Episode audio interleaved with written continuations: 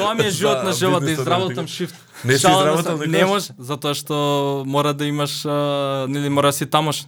Аха, немаш ти Да. working permit, така, да, да, и, да. и виза имаме сите, нели што треба да ваква, но а, не можеш со таа виза и да да работиш а, шифт. Имаме профили сите направено.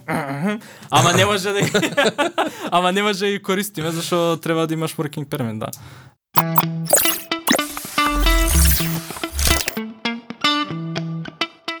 Здраво на сите и добро дојдовте во 98-то издание на Комкаст. Подкастот кој што третира теми од медиуми и маркетинг. Нормално, сега вели редот дека јас треба да кажам овој последен период повеќе од маркетинг, но не ги забораваме и медиумите. Ова е 98-то издание и полекано сигурно ние се подготвуваме за 100-тото јубилејно издание. Имаме неколку различни идеи, меѓутоа имаме многу големо размислување што и како да правиме. Ако случајно имате некој предлог, ве молам веднаш во коментарите каде да го слушате ова издание на Комкас да пишете што би сакале да чуете, видите или можеби направите или ние да направиме во 100-тото издание на Комкас за да го одбележиме и овој јубилеј. Имаме неколку различни идеи како што спомнав, нема да ги откривам затоа што не ни се искристализирани, но за тоа во стотата епизода ако никој ништо не пише, тогаш ќе оставите на нас, односно мене и мојата екипа, која што стои зад Комкаст и комуникација.нет, да смисли нешто веројатно интересно. Назад на а, нашата епизода денеска, а, повторно имаме гостин, повторно а, мене ми беше многу интересно кога сватив дека гостинот ми е иста генерација на Финки со неколку различни други гостини од минатото на овој комкаст и да се договоривме дека ако не ова, барем во следните неколку години ќе покриеме целата генерација.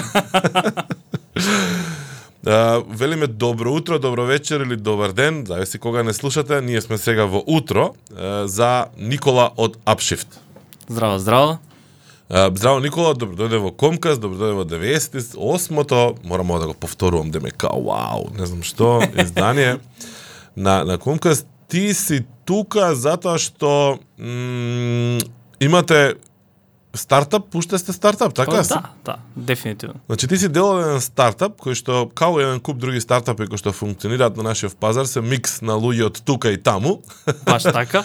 и а, покриваш еден сегмент, ќе ни кажеш кој сегмент од работата го покриваш и како се најде во таа приказка, на кратко како еден една увертира, а потоа ќе се обидеме да поразговараме малку повеќе за маркетинг активностите на еден ваков карактер, карактеристичен тип на стартап. Ајде прво Никола кој е и што е Upshift? Прво, фала за, за поканата, да испиеме вака кафенца, си направиме мовет. А, Честито на големиот број, 98-то издание на подкастот. Честито на стотката наскоро. А, да, Никола Ердановски. Кој е Никола Ердановски? Е, ова, ова го немам вежбано. Овој, овој, овој мовет го немам вежбано, ама знам за Апшиф, да кажам кој е Апшиф, така да може да биде некој микс од двете. А, да, Никола Рдановски е коосновач и CTO на Upshift, а, која што е маркет, значи компанија од тука и тамо, се мисли на Америка и, и Македонија. А, ние сме многу, мислам дека сме стварно многу интересен, а, интересен стартап, интересен бизнес, а, затоа што е, верувам дека сме юник во делот на тоа што го нудиме, сервисот што го нудиме, а, а тоа е marketplace за а, темп workers, значи marketplace за привремено вработување, да речеме. Малце е посложено од тоа, така сега на, на брзинка ќе го објаснам. Идејата е всушност многу едноставна. Бизниси имаат потреби од а, нели, работници во одреден даден период и кривата им оди нагоре и даден. А во среда ни требаат стотина, во петок ни требаат 20 и слично и не често им се исплати да ги имаат full time тие нели вработени затоа што што ќе прават петок 100 луѓе кога ми требаат 10. А, и кај нас на платформа може да постираш шифтови, смени, нели, Да. зверено на наше, а, кои што би биле, да речеме, 9 to 5, постираше и ми требаат, не знам, десетина луѓе да дојдат да работат а, во ресортот а, X некоја работна позиција. И сега бидејќи е marketplace, апшифтериви или нашиве а, вработените кои што би биле, го гледаат ова на платформава, нели iOS, Android, Web, сите 300 милиони чуда, а, аплицираат на истото. Интересно е што имаме и направено и SMS а, како SMS интеракција како на паркинг, да пишеш код и адрена акција да се случи на платформа а, и тој да дел е интересен за, за, за мојот прајање. А, и бизнисиве го гледа а еве го, еве го Никола, добар е, имаме беджови, значи она геймификација кај што ако изработиш одреден период на работи со 5 звезди и слично, а, добиваш одредени одредени беджови. Супер, топ ник, дај ќе го земеме да доаѓа, јас одам на работа во Ресортов, кликам клокин, ми се брои времето, кликам клокаут, завршува времето, апшиф ми исплаќа мене, јас си одам дома, пари од джеб, си свирам, животот е убав, на крај на месец идам кај бизнисов и викам еј слушај Мериот, а, Никола, Дарко и Иван работеле X и Y, еве ја фактурата, исплатени на нас со одредена комисија, ама не се секирај за ништо бидејќи им нудиме им покриваме а, медикал, даноци им плаќаме и слично, така да бизнисиве воопшто не треба да се замараат за за ништо само за да дојдат луѓе. Е са и тоа е апшифт, од прилика ако има смисла Маветов. А, и беше Мене, мене да. и беше интересен approach затоа што беше unique at the time. И сега го споредува ова со а, разлика помеѓу нели агенции за вработување класични, а, како класични туристички агенции и Expedia или такси и Uber.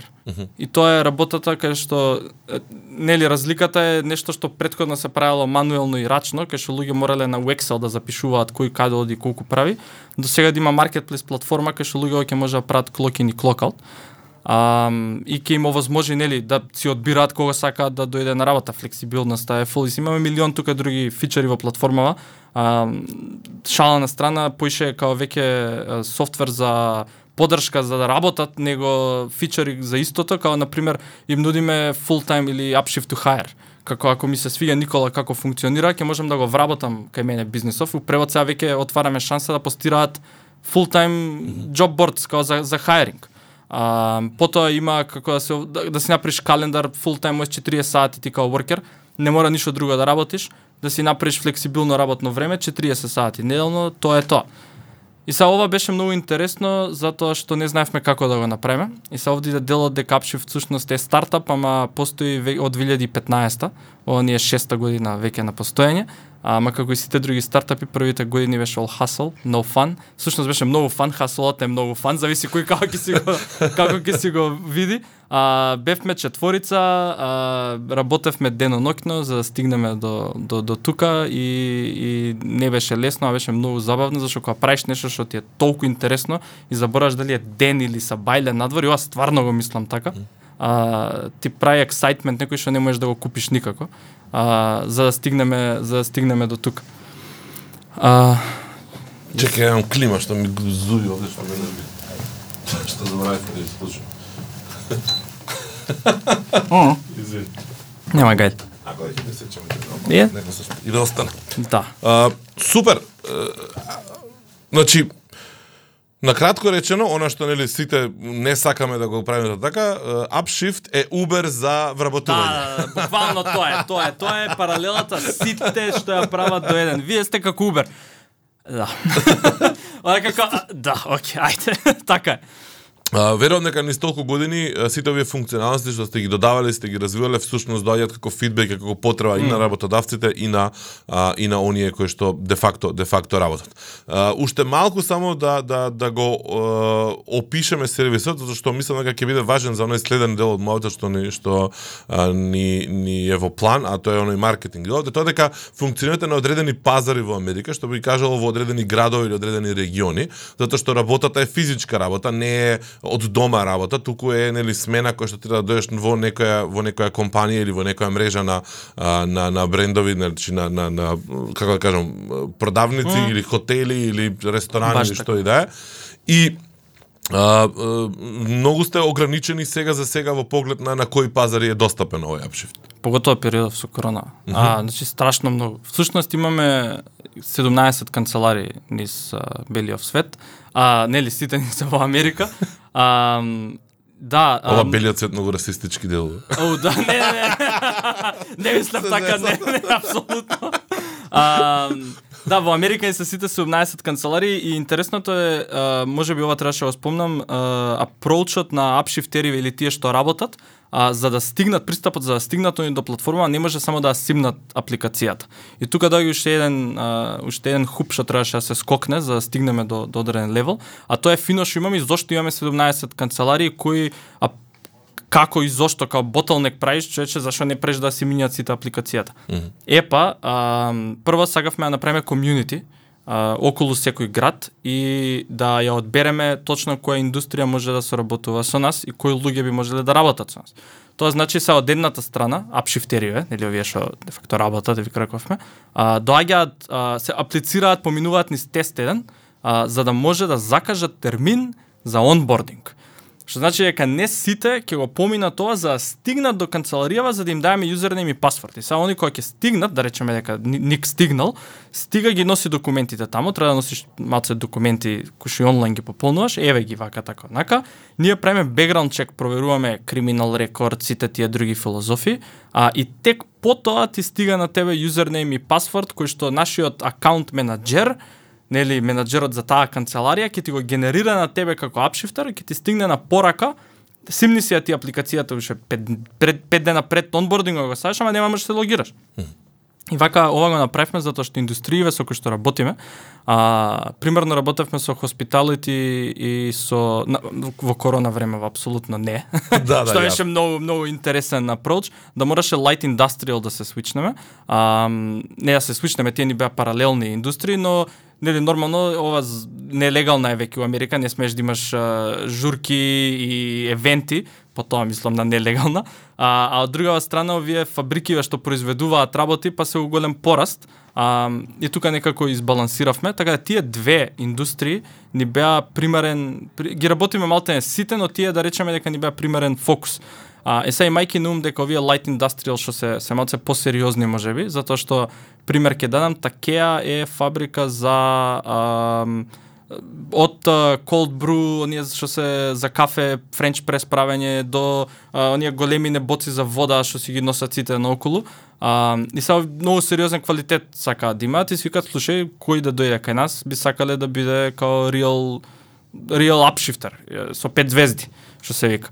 А, и тука сега си викаш, оке, индустријава ни е ваква, овие две индустрии at the time, со коронава, за жал, другава, во превод light industrial, бараат ова, мора, не го сменивме апрочот, ама малце поише бевме као, оке, треба се фокусираме на, на начинот на работа, на фичериве кои што збориме од фидбекот што ни го даваат и како го прават истото. И тука свативме дека не може толку генерички све да биде направено, затоа што хоспиталите индустрииве бараат едни работи, light industrial пред фабрикиве кај нас бараат скроз други работи. Um, и сега both in marketing and in feature development uh, требаше да биде малце као избалансирано за да се движиме по таа фина линија in between, ама сигурен сум дека eventually ќе треба да се раздвои и да биде као окей, ова е ова е за light industrial, ова е за hospitality, за тие ресорти, за а, нели хотелите. А, а ова е за кетеринг, зашто имаме и кетеринг ни беше многу голем дел од, од индустријата. А, и, и, да, и да биде различен напрочот, не само пак ќе речем на маркетинг, туку софтверот да биде скоро различен. До, значи, слободно. Додека па апшифтерите, и за ова сме многу горди, не ги не им правиме преференца да биде као Никола е добар само за hospitality. Затоа што Никола не знае дали е добар да работи во light industrial. И тоа што го видовме, са ова е based on data буквално, многу луѓе а, аплицираат на работи кои што не се толку добри, после добиваат пет звезди и се као I can do both. Или можам да ги правам и двете, се извинувам на англицизми. Добре. Поише тоа користиме него. А, и, а, и, и тоа ни е на нас апрочот дека не има квалитетни луѓе кои што не знаат дека се за одредена индустрија. А, тоа е исто како таксист, не знаеш дека си таксиста Uber, нели не сомено ќе го спомнам, ама ќе се качиш Uber, и I can do, можам да го правам, можам да возам. Истото и тука што луѓе им даме шанси, не ги ограничуваме да бидеме као, а ова е добар само за ова туку напротив. Дали тоа на вработените на работодавците им смета во смисло на тоа да бара да имаш предходно искуство, да бара да имаш нели познавања некакви вакви такви накви или преку овој тип на на ангажмани всушност они ги бараат баш класичните физички работници во смисол на да им даваат задачи или бираат ваков тип на работници каде што задачите не се нешто научна фантастика mm. не треба некои предходни познавања. Дали тоа може да биде ограничувачки фактор вас за долгорочниот развој на тој сервис? Па да и не А, има некои фабрики кои што а, фабрики. Значи овие light industrial да го класифицираме така некако. Добро. А кои што викаат слушај за да работиш кај нас мора да го мора да го поминеш тренингов. И сега фичер повторно, а, кој ќе завршиш тренингот, беч на профилот твој се закачува дека си поминал форклифтинг, она како си ка вилјушка да, Добро. да креваш, така? Вилушка. А, вилушкар, е. И таа ти го имаш тој беч и ние го нудиме и као сертификат. Ти слободно можеш да го да, го, да, да правиш што сакаш со ова, да работиш на милион други места. А, и тоа ти помага и таа да речеме дека е преференца некоја, која што и го имаме и ова као фичер, да речеме слушај јас сакам само апшифтери кои што ги задоволуваат овие requirements. Но софтверов ќе им дозволи на тие да го видат, на сите да го видат шифтот. А, апсолутно сите може да аплицираат и тоа што сме виделе е дека многу често им треба 50 луѓе, ќе рече слушај сите што го имаат сертификатов за за вилјушкар, нека дојдат одма, веднаш или тоа го викаме auto accept, значи бизнисов нема да клика као вилјушкаре, нека дојде да работи, ама и другите може да аплицираат за да можеме да ги видиме кои се па ќе им дадеме шанса и на нив да да работат. Така да да и не езин они викаат окей може дефинитивно тие веќе сигурно ги прифаќаме да дојдат на работат. Има едно бетче selective claim mode зашто е селектив. А и што ќе го видат тоа знаат дека веднаш ќе ја добијат таа работа. Значи, као тоа е толку многу добро што си скролаш три листови и гледаш на СЦМ пишува на, на некој шифт и си као money in the bank, тоа е тоа, утре ќе ќе работам за шифтов, затоа што автоматски те прифаќа. Ама по друга страна те мотивира као, окей, дај, зашо ја го не го гледам ова, може би треба да направам нешто и са бизнисиве се kind of open minded за за вакви работи зашто знаат дека и луѓе што имаат сертификатов а, пример се дава многу пластичен, ги, ги, ги, ги прифаќаат, ама може некој друг ќе научи, па ќе биде подобар во тоа. Така. А, додека нема барање како на пример барам 10 годишен бартендер или 10 годишен менаџер на смена. А, може би има да не сум видел, да бидам искрен, затоа што имаме како 300-400 шифта на ден, Јасно. да не кажам нешто што не е вистина, ама знам дека а, не се до толку ограничени. Затоа да и не, зашто има дури има и фичери кои што викаат if else, нели?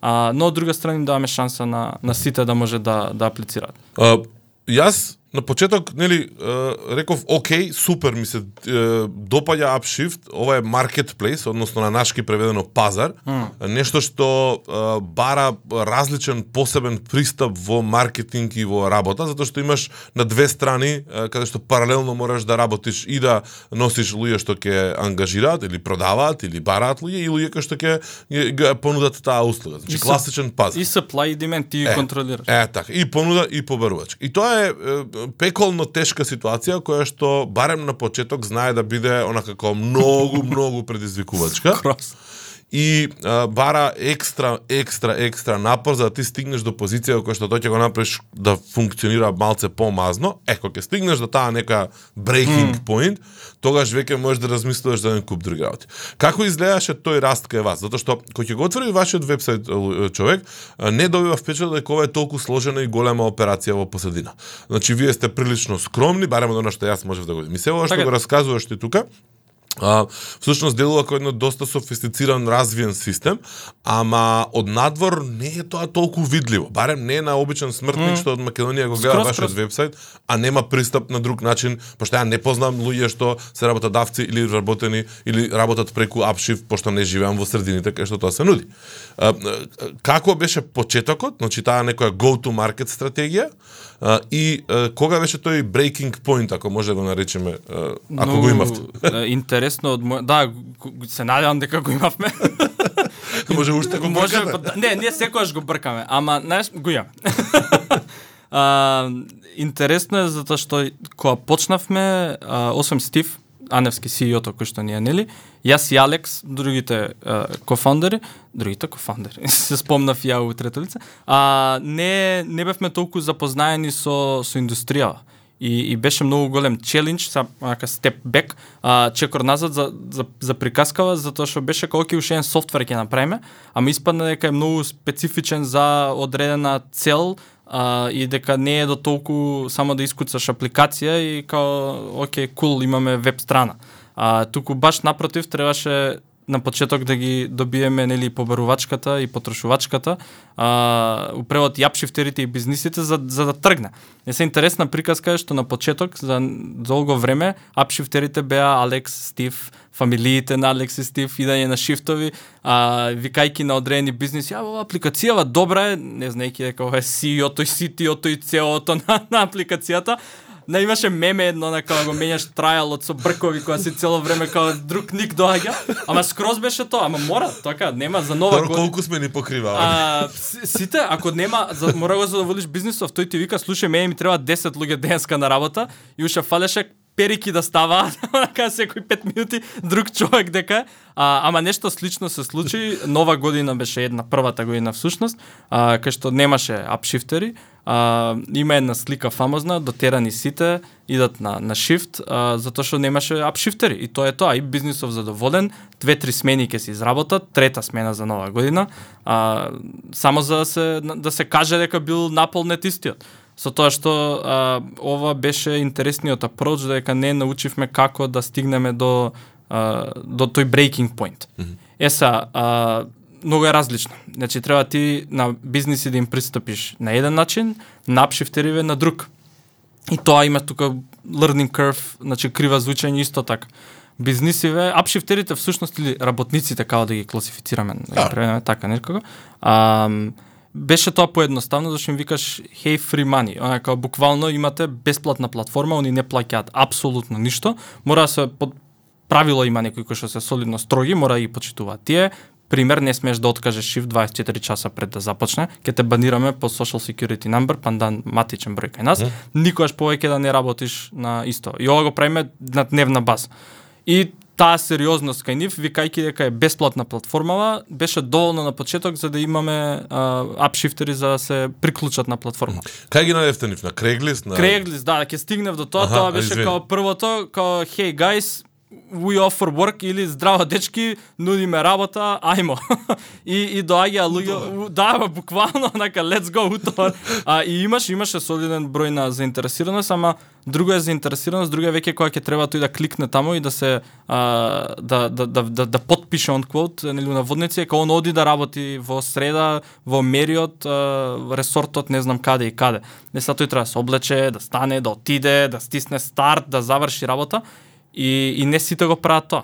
Джабе ти ќе имаш 20.000 луѓе што ќе ти дојдат да речат, е, јас сакам да го користам апшифт, и имаш три шифта и сите се кажа, а не, ова за мене, што ќе ќе аплицирам ја. И бизнисов ти вика, другари, чекајте, ја ви дадов шанса, ме зафркавате, тука нема живчек. Um, Craigslist беше и уште е а, тој job board ние го викаме, кај што постираш и луѓе доаѓаат како буквално веднаш. Um, Додека друга страна ќе стигнам до, до као, као направивме маркетинг план, а бизнисиве беа mouth to mouth препорака на почеток како е а, Upshift, еве ги, а, зборете со нив, буквално немаше друг апроч зашто ти си стартап кој што никој не го знае, мора некако да стигнеш до до а, нели до одреден а, decision maker, ние title скрос имаме стајано на тие луѓе, а, во првото одлучуваш за дали ќе те користи бизнисов тебе или не.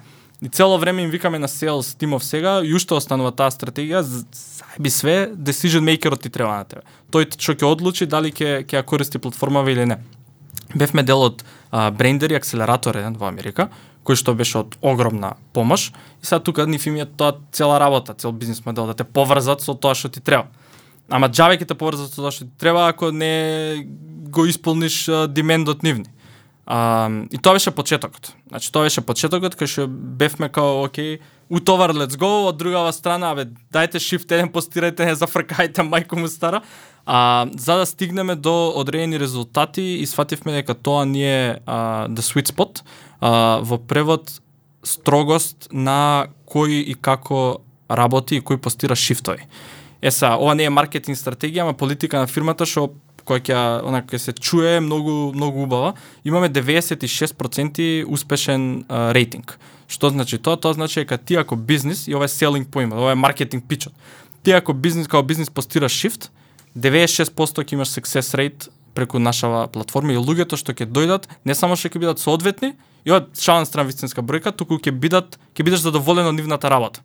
Е са колку ќе бидеш задоволен up to you, ама гарантираме дека ќе бидеш задоволен.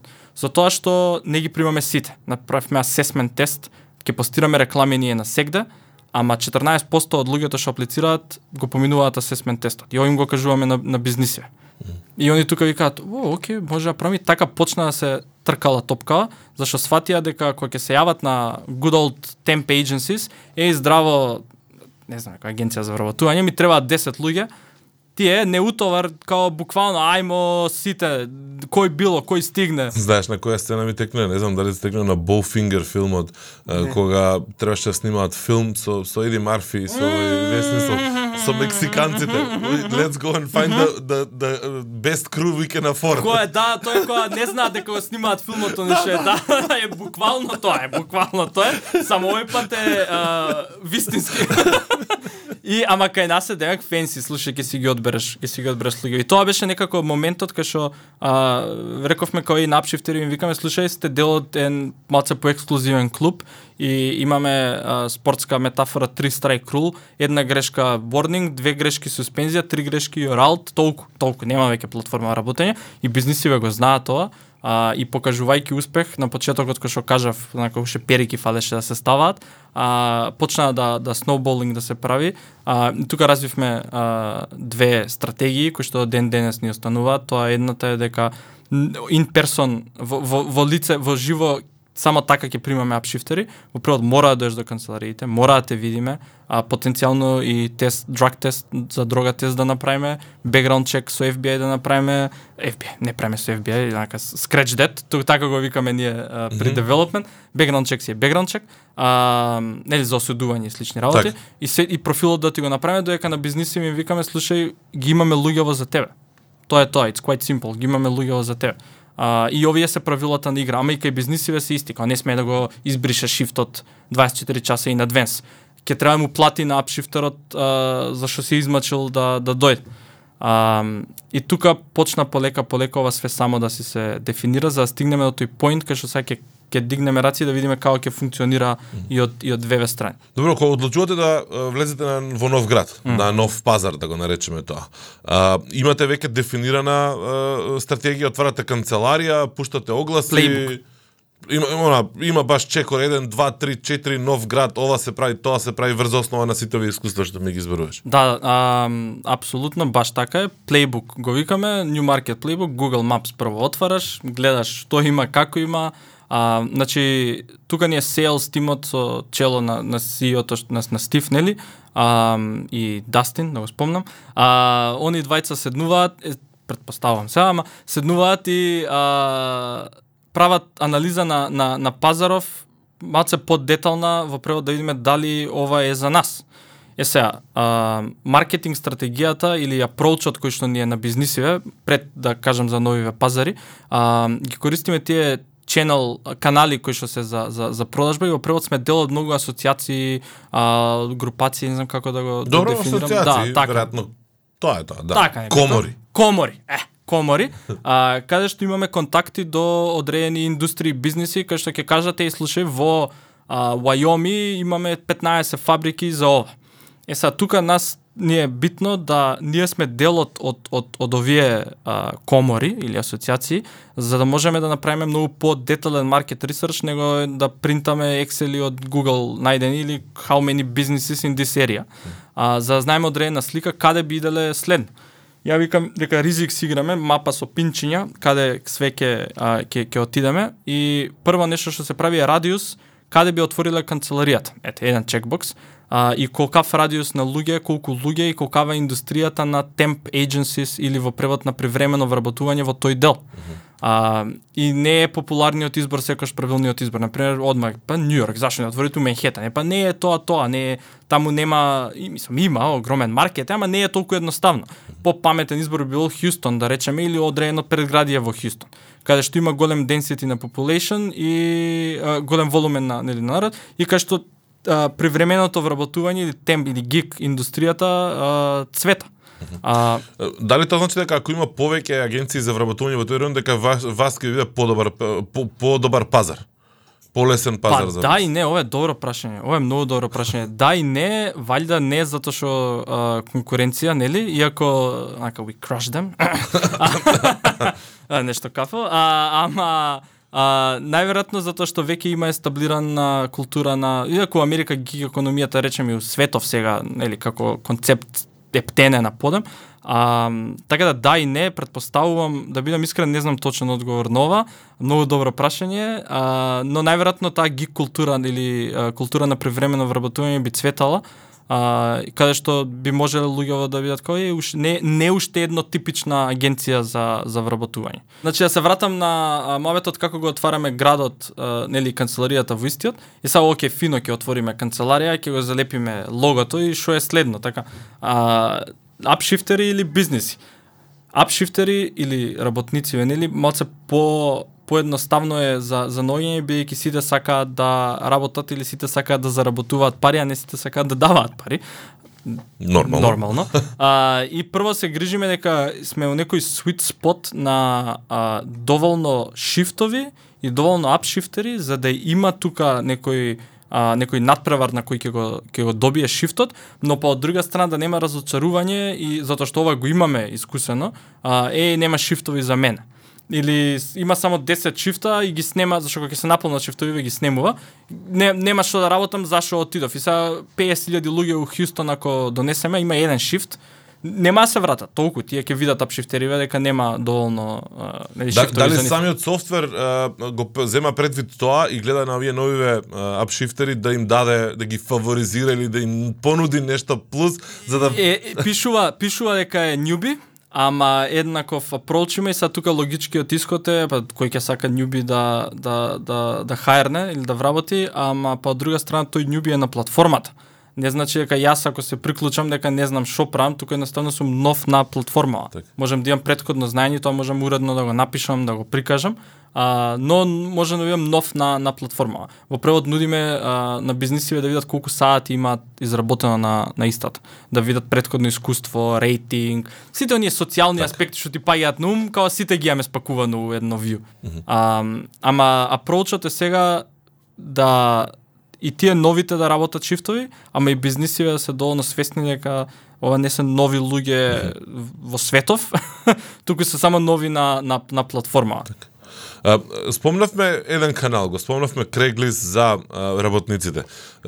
Дали други канали, освен нели, вирално пренесување, односно нели, човек на човек препорака и кај бизнисите, асоциациите и коморите што ги спомнавме, дали други канали користите активно за промоција? Дали промовирате конкретно можеби некакви работни позиции што се отворени или смени, да речеме не за Мериот цел денаш има потреба од 300 луѓе во различни райони, па викате дојди работи кај нас за Мериот за да привлечете нови луѓе, а, или можеби првин му се рекламирате на Мериот или на кој да е друг бизнис преку други канали. Ми спомна некои различни канали, ајде да ги отвориме нив. Паралелно, значи кога се отвара, ај ќе земе пример за маркет некој, а, Плейбукот вика, добро, отворивме канцеларијата, тој е радиусот, sales вработениот за тој регион, време ти е да ги бркаш бизнисиве. Прво е оној тефтерот со асоциациите, управо че да име кој знаеме во овој град и кој е decision maker во истиот, да му отидеме на кафе, А, и тука има приказки од типот на не те пуштаат во бизнисот натре, овие се интересни, така што ќе чекаш некој да отвори вратата и ќе се шмугнеш, ја бараш канцеларијата на Джонсон Джонсон, тропаш на врата. И ме пуштија да да правиме муабет, хасл, онака скрос, а, и нема друг начин понекогаш. А другиот дел е препорака кај бизнисиве е слушајте дечки, а, а, ќе дојде а, Стив, он е од Upshift, Upshift се ова, ова, ова и бизнисов знае што да очекува. А, друго имаме, другиот дел ние е како cold callings, cold emails, а, кој што имаме листин или HubSpot го користиме за целосна интеграција, каде што им правиме демо, а, сите тие нели а, попатни стратегии кои што би ги очекувал да ги има а, за cold calling, cold emails. А, но најголем успех имаме видено од овие асоциацииве кои што не препорачуваат или викаме здраво ние сме дел од асоциацијата за принтинг. Uh -huh. А, и тука бизнисот вика, оке, кул, ова е леджетон проверува, нели, веднаш и, и не, не прима на не прима на разговор. Додека од другава страна, а, интересен канал кој што го имаме а, искусено е радио. А, апрочот овде е дека пристапот овдека е дека ти патуваш на работа и најголемиот број на американци патуваат од X до Y и тоа трае просек 20 на минути најмалце и си заглавен на на хайвеј и слушаш радио. И од деннаш ти вика ако се избориме у таа тој специфичен таргет, а тие луѓе што би работеле а, темп а, или привремени работни позиции се најчесто да речеме дел од таа група што патува многу рано са бајле на радио, а, на, на, на работа. А, слуша радио и вика е имаме шифтови кои што се од 20 долари па нагоре. Join up shift. И си као, what? И телефонот веднаш. И тука имаме солидно сите можни плагинси и тулс интегрирано на на веб апли... на веб странава за да можеме детекшн да направиме на кој се прикачил ако користиш Google Chrome кој имейл ти е логиран од која локација, што ти ја знам, не за после да се вратиме да речеме. GDPR нешто? Па и у Америка нема. и а да, нема, само Калифорнија. А yet. А, но не, си, си нуди, Google си нуди а, да ти даде од прилика некој точно юзер, ама ќе ти рече слушај од тој ерија, maybe this person. А, и ти си као, окей, cool, ќе таргетираме, имаме некој модел направено и после идеме AdWords, ака буквално, или си ги закрстуваме ракавите, а, таргет на овој модел, а, retention to каф, не знам што, Facebook, а, нормално и Craigslist повторно. Mm -hmm. Тие се три канали кои што ни се онака као буквално дел од плейбукот, и си играме според Значи ќе пуштиме радиово, иде рекламата, билборди ќе ставиме на автопат, зашто нели таргет групава ни е таа. И сега Алекс, кој што е in charge of marketing, си седи од Савајле, доаѓа кафе го земе и гледа колку и што како се движат сесиеве и сваќа дека у одредена у одреден ерија ќе треба имаме on and off испрограмирано на делче кај што он покачува а, реклами на, на Google, намалува на Craigslist, and so on and so on, за да го да го тюнне тој дел. Се ова го немаме автоматски направено. Уште имаме луѓе кои што седат со со Excel табелчиња и, и прават математика и гледаат по филинг понекогаш, као мислам дека ова ќе ќе успее и тоа ни е многу успешен напроч. Тоа се луѓе што се тука или луѓе што се таму? Там, значи, таму. да, да, не напомнавме дека овдека во Македонија сме а, технички тим. А, во Америка е sales, marketing и operations и legal account, сите тие нели. Колку се од тоа ти што знаеш, знам дека ти најави дека ќе те прашувам па се спремаше.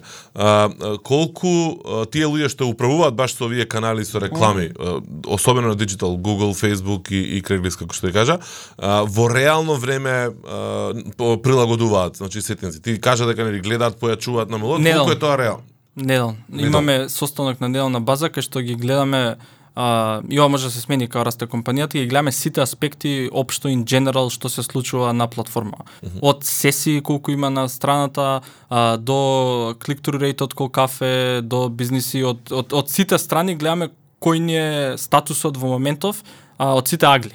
И тука одлучуваме а, кој на каде да се понасочиме или на пример имаме веќе доволно бизниси овдека, ама немаме апшифтери дај да појачаме на све, онака фул да влеземе со маркетинг на а, и со присуство на а, на пазарот за апшифтериве, mm -hmm. бизнисиве да ги оставиме малце една недела на пауза, за да се осигураме за а, дека ќе направиме пазар. По друга страна интересно на бизнисиве и ова функционира колачиње. А, шала на страна имаме една компанија со која што соработуваме, при овие неделни состаноци гледаме дека не знам одреден бизнис не постирал шифтови, ама ни треба таму малце да се крене нели бројот на шифтови.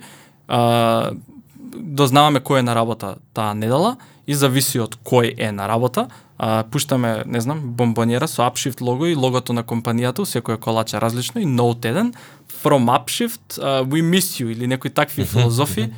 Човече функционира. Ало, Апшиф, здраво, како ви текна дека сакам мафинс? Немате гајле, од утре постирам шифтови. Не се зафркавам, сериозен сум. А, 8 март, цвекиња, нику, а, Америка, I guess, а, да не шпекулирам. А, ни треба во овие неделни состаноци гледаме дека треба да се случува. Пуштај таму нека нека иде бизнисиве, it works. Оака постираат шифтови веднаш, додека од другава страна го гледаме тој дел на неделна база, викаме, окей, овие са препостираа шифтови, дај онбордингот не делава ќе го ќе го ставиме waiting list. Им стига порака на апшифтериве дека се waiting list. Сад ти одговорив маце некако по Ако ако Бро... Ке те вратам назад, кога спомна нели анализа, бројки и слично. А, не знам дали ќе те погодам у, у, у, у полето кој што може би имаш mm. или немаш пристап.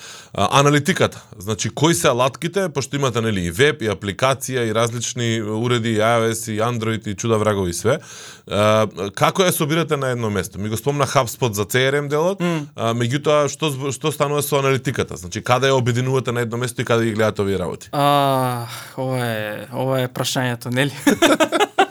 имаме, имаме, а, имаме и немаме, ама тоа што го имаме е многу добар тим овде што може да напише query некои што ќе извадат некои податоци и ќе ги унайтнат. А Google Analytics а, number one за свеживо и диво, нели са технички користиме а, Firebase и слични некои софтвери кои што ќе ни дадат real time analytics од луѓе кои што користат и каде и тука учиме еј ако дојде некој веднаш се логира за X време, па нели движењето на на на, на, на едно user story А, од друга страна, а, за тие што е, да, што туку би станале апшифтери, а, правиме анализа на а, кој што и како, од каде е дојден, ги прашуваме сите од кај сте чуле за нас, а, тоа е required прашање што мора да го одговорат и сите овие милион Excel табели, if you will, а, на крај ги рачно, рачно. Не баш рачно, ама немаме, имаме наш тул некој кој што ја мислам дека е the next thing, затоа реков ова е прашањето, нели, што треба да се юнайтне, а, за да може да имаме еден overall статистик за како како се движат сите а, сите аспекти од од компанијата. Е, админ панели, значи имаме као 14 проекти кои што е апшив всушност, а на крајот од денот кој што рече ти скромно изгледа како само постирање на работа, а, и, и не е микросервиси за на техничкиот дел на публиката што слуша, туку стварно се 14 различни проекти, а, кои што на крајот од денот го прават истово, е сега, а, предпоставам дека, не предпоставам, сигурен сум дека треба се юнайтнат за да може да ги да имаме full uh, overview за Добро, ако дојде, ако дојде некој се речеме од маркетинг или ако дојде некој од бизнес девелопмент или кој да и да рече окей, дајте ми сега да видам ја у реал тајм некој извештај или неделен извештај да ми се генерира за да знам како ми се движи ова, тоа, она. Тогаш е, доаѓа тимот техничари, копа длабоко во Analytics, копа во Firebase, вади податоци и ги автоматизира некако да ги има Јап. тие извештаи. Баш така, ама скроз баш така, најчесто на мејл се сакаат од Сабајле и го сваќам тоа да им стигне а, CSV файл со точни бројки. Имаме и админ дашборд, нели? А, онака флексање вам со плис, не. Ама а, многу поубаво им ја претпоставувам а, да онака да ги да ги опипаат податоците. А, и да, баш така како што кажа, Open APIs има кај од сите платформи што ги користиме, се прави таск, слушајни треба анализа за ам, Еве, добро е ова што го спомнав selective claim да речеме, а, не знам колку колку луѓе аплицираат на шифтови со XY услови. Добро, ќе напишеме автомат некоја скрипта ќе ги автоматизира а, резултативе, ќе ги пушти и ќе му стигаат на мејл секој понеделник на бизнес девелопмент и после ќе рече го сакам ова, ова, ова и ова и ќе секогаш стига до моментот кај што викаме не брат, а, ќе си се логираш на на платформава што ја имаме и тука ќе ти го прикажеме исто. А многу интересно што ни еден репорт не е сличен со претходниот и тоа е толку челенџинг за техничкиот тим тука што е онака како Ајде, ајде, let's do it, ќе пишуваме query. За тоа ли работам ја? Да, како, окей, ајде, у 11 вечер треба репорт да принтаме, no problem. А, и да, така правиме, значи, стигаме до, до, до момент кај што не е за на мејл да стига, туку е за да се прикаже визуелно на, на платформа, а, и тогаш го правиме, го планираме фичерот на roadmapот, за да ги имаат они пристап до, до тие податоци. А, инаку, а, баш како што... Мене изминатите неколку недели пошто со тоа бев обседнат некои предавања за аналитика држев и и и копаме се обидуваме малце под лавоко да копаме во таа приказка ние како како mm. тим. А, па можеби ќе биде интересно тоа прашање, можеби ќе има што да ми кажеш, не знам. А, колку вие сте се соочиле со кадар а, кој што знае да да да работи аналитика, кој што не, не е аспект на технички. Мислам, јас знам некако ќе тргнеш да работиш веб аналитика или диджитал аналитик, дека има доста ето квериња, мериња, JavaScript, поставување, тагирање, не знам, Firebase, Читањето на Firebase. податоци не е техничкиот Тоа, дел. Да, тоа. да. А тоа е а, да одговорам одма. а, Тоа го прави тука тим, таму, таму, таму го прави тимот. Ние тука пробуваме како и сите технички лица да сме експерти во све. А, така буквално, ама не е. Значи посебна работа си е тоа. А, друго е некој што знае што да очекува и како да ги прочита податоците. И ова многу често може да, да, да погрешни заклучоци да се направат. Пример, а, как, а, окей, постирани шифтови и дај да видиме до петок колку ни се наполнети. Да, упревод колку луѓе отишле на работа извини, ти викаш како и никој не отишол на работа. Ама сваќаш дека шифтов бил ставен на, на пазарот во петок у 11.59. И сад ти као техничко лице бинарно малце гледаш, викаш, а, слушај, ти овде вика не си наполнил ни еден шифт. Ама од друга страна некој што може да го прочита ова поубаво, сам ну смотам пример, ама ака да го доволам како е, а, од таа страна што е поинволвиран во, во тој дел, а, скроз други заклучоци може да извади од податоците. Тоа што знам е дека а, луѓево таму се трудат управо од маркетинг тимот кој што не е а, скромен, но, но солидно квалитетен е this point, а, под скромен мислам на број, а, се труди ова да го излече најдобро што може са self improvement. Значи немаме некој кој што ни е а, data science или data analytics hire за таа роља специфично. А, туку имаме по потреба, окей, треба да се научи како да се направи ова, let do it, а, и потоа скрос си трчаат они натак. Но тоа што го заклучивме дека а, може да се стигне до погрешен заклучок понекогаш ако бинарно се гледа на работи. Затоа има има човек кој што работа му е да ги анализира и да ги чита различно податоците. А, јас Иако свесен беше, меѓутоа морам да се извинам дека можеби нели те насочувам у, у делови е, у муабетов кој што не ти се нели mm. дневна операција. А, се надам дека ете можеби и ќе те инспирирам да не бидеш само CTO него нешто и многу повеќе. можеби можеби анализа и можеби некој него на некој шифт ќе се пријавиш таму за Тоа ми е живот на живот да изработам шифт. Не си изработал Не може, затоа што мора да имаш нели мора да си тамош. Аха, немаш ти да. working permit, так, да, да. И, да. и виза имаме сите, нели што треба да ваква, но а, не можеш со таа виза и да да работиш а, шифт. Имаме профили сите направено. ама не може да ама не може да ги користиме зашто треба да имаш working permit, да.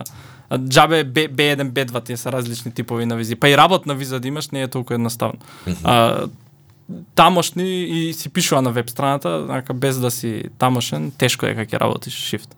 А инаку Да, многу интересен топик од секојаш енигма ми бил затоа што а, пак ќе речам бинарниот дел го така едноставен е, као едноставен. Воопшто не, ама тоа е, се одлучуваме што да изработиме, го изработуваме за најдоброто на бизнисот, ама од друга страна мора тоа што го правиш да сватиш зошто и како, а, наместо да биде само таск кој што ќе биде и треба да има копче овдека, разбирањето на зошто и тој маркет ресерч како да направиме апликацијава да биде по-апилинг на, на, на одредени таргети на луѓе, тоа беше челенџот со кој што се соочував. Вие имате тим кој што е, нели, ваш тим, кој што не работи за друг човек, кој што не е аутсорс класична компанија тука и е, чувствува таков ownership, така да речеме, на, на производот и веројатно се горди за тоа, без разлика што се да речеме само тех, условно речено само технички тим. А, ова што го отвори како прашање, колку често тие модови на геймификација, тие опции додатни, тие решенија кои што може да решат некаков реален проблем во поглед на, не знам, вработување, задоволство на корисници, задоволство на работодавци, доаѓа од маркетинг или некаков C-level, да речеме, а, а, ниво на луѓе во компанијата, а колку може како решение или како увиден проблем да дојде и од луѓето тука што се условно речено па ќе кажам технички а, персонал. Многу добар поинт. Делот кога се а, претходно бевме нели аутсорс компанија Kinetic, моментот кога станавме in-house Upshift, а ко некој некој switch да имаше, кај што сите веќе има идеја што треба да се прави и како треба да се прави, допринесува шала на страна апликацијава била 99%, нема да биде ни 1% од тоа што е сега, да не е овие технички лица овдека што викавме условно кажано само технички лица и, и таа култура се обидуваме да ја држиме, каде што секој може да пичне а, одреден фичер и да напише во Confluence, користиме нема везе, во, во Confluence во Jira, а, зошто, како, која била придобивката, и на неделна база пак се среќаваме и дефинираме а, и ова е многу добра идеја. А, и заради таа култура, многу од а, фичериве кои што се на апликацијата, па макар и од апрочот на маркетинг кој што го правиме а, на веб страната, а, доаѓа од тука. А, затоа што а, како да кажам, многу често проблемот е можеби представено таму, како и дечки имаме проблем со ова, ова, ова и ова, ама решението многу гордо кажувам дека е многу често смислено вдека.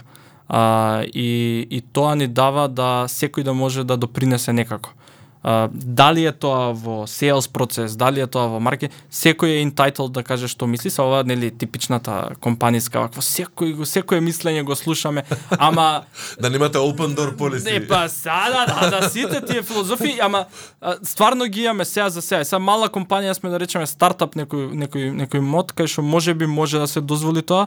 Не знам како ќе биде кога ќе ќе порасне, ама C-level marketing, business development често се вокални за проблемот зашто ние викаме они се на првата борбена линија со проблемите и многу многу вокално ги раскажуваат истите и ние овдека сме кабе зашо не го направиш ова Е, ова е добра идеја, ајде да го направиме тоа така. Или а, имаме Innovation Day, секој втор петок, ние као Innovation Day, кај што сите имаат право да право, право имаат право, сите имаат задача да мислат надвор од нивните 9 to 5 обврски. Не мора да е запшифт, мора да може да е за, за шо било друго. А, и и ова е уште еден ака као hey guys come on let's let's do something, да направиме нешто, да смислиме нешто, а, небитно од кој аспект од, од компанијата. А, и, и сите допринесуваат. Така да, да сумирам, да, првите борбени линии се дерат позади, е, ова е проблемот, наоѓаме решение и го имплементираме. Супер. Баш ме радува зашто јас сум длабоко убеден дека а, нели единствениот квалитетен пат напред е во ситуација кога овие вакви компании нема да бидат класичен аутсорс mm. кој што нема да размислува за целиот производ, туку ќе размислуваат и дека нели туркањето напред на целиот пазар, на целиот начин на размислување на пакување на производи всушност доаѓа кога ќе осетиш дека си ти тој што нели треба да мисли како да го реши проблемот, а не само технички да го скроз, да го бевме, извини, ќе те прекам, кога бевме во кога беше кинетик и работиме проект, сваќаме дека има потенцијална грешка логика, ајде, дај, ајде. Нема, не се замараш, така како дај да го завршиме ова, треба да го да го шипнеме на продукција толку додека овдека дебатите, да можам да ти ги покажам шална страна, онака како мислиш дека луѓето ќе се истепат, затоа што има сериозна дебата, бе не ова ја цврсто стојам дека вака треба да се направи, не онака треба да се направи. И са тоа може од страна си како бе зашо се карате, ама тоа е многу добро бидејќи сите осеќаат ownership тоа што го прават. И се надавам дека ова ќе биде on the long run културата, а, за да може тој прогрес да го има. Зашто спротивно, ако се види дека C-level маркетинг или бизнес девелопмент греши, никој нема да каже ништо, така, а, американци нешто сакаат некој прават. Што е лошо. А, ние поминуваме некаде околу 50 минути прак, а, за да не се видам ја а, да си газам по своето такво, неколку пати го повторувам ова. А, Никола, а, морам медиумски класично да се обратам. Дали сакаше да кажеш нешто ја не успеав да те прашам? А, Да не се знам, да то- поздравиш некого. Да, да, ги поздравувам си. не, шала на страна, а, не знам, не знаев нека 5 минути помина се размова. Петевме и преска спомнав ова интересно вака мовет да се преме. А, сакам да кажам дека стварно чест ми беше што си направивме мовет и што студио го видов и ти спомнав, немам видено студио, а вака интересно е многу. А, и дека ми беше многу интересно и дека we are hiring, shameless plug.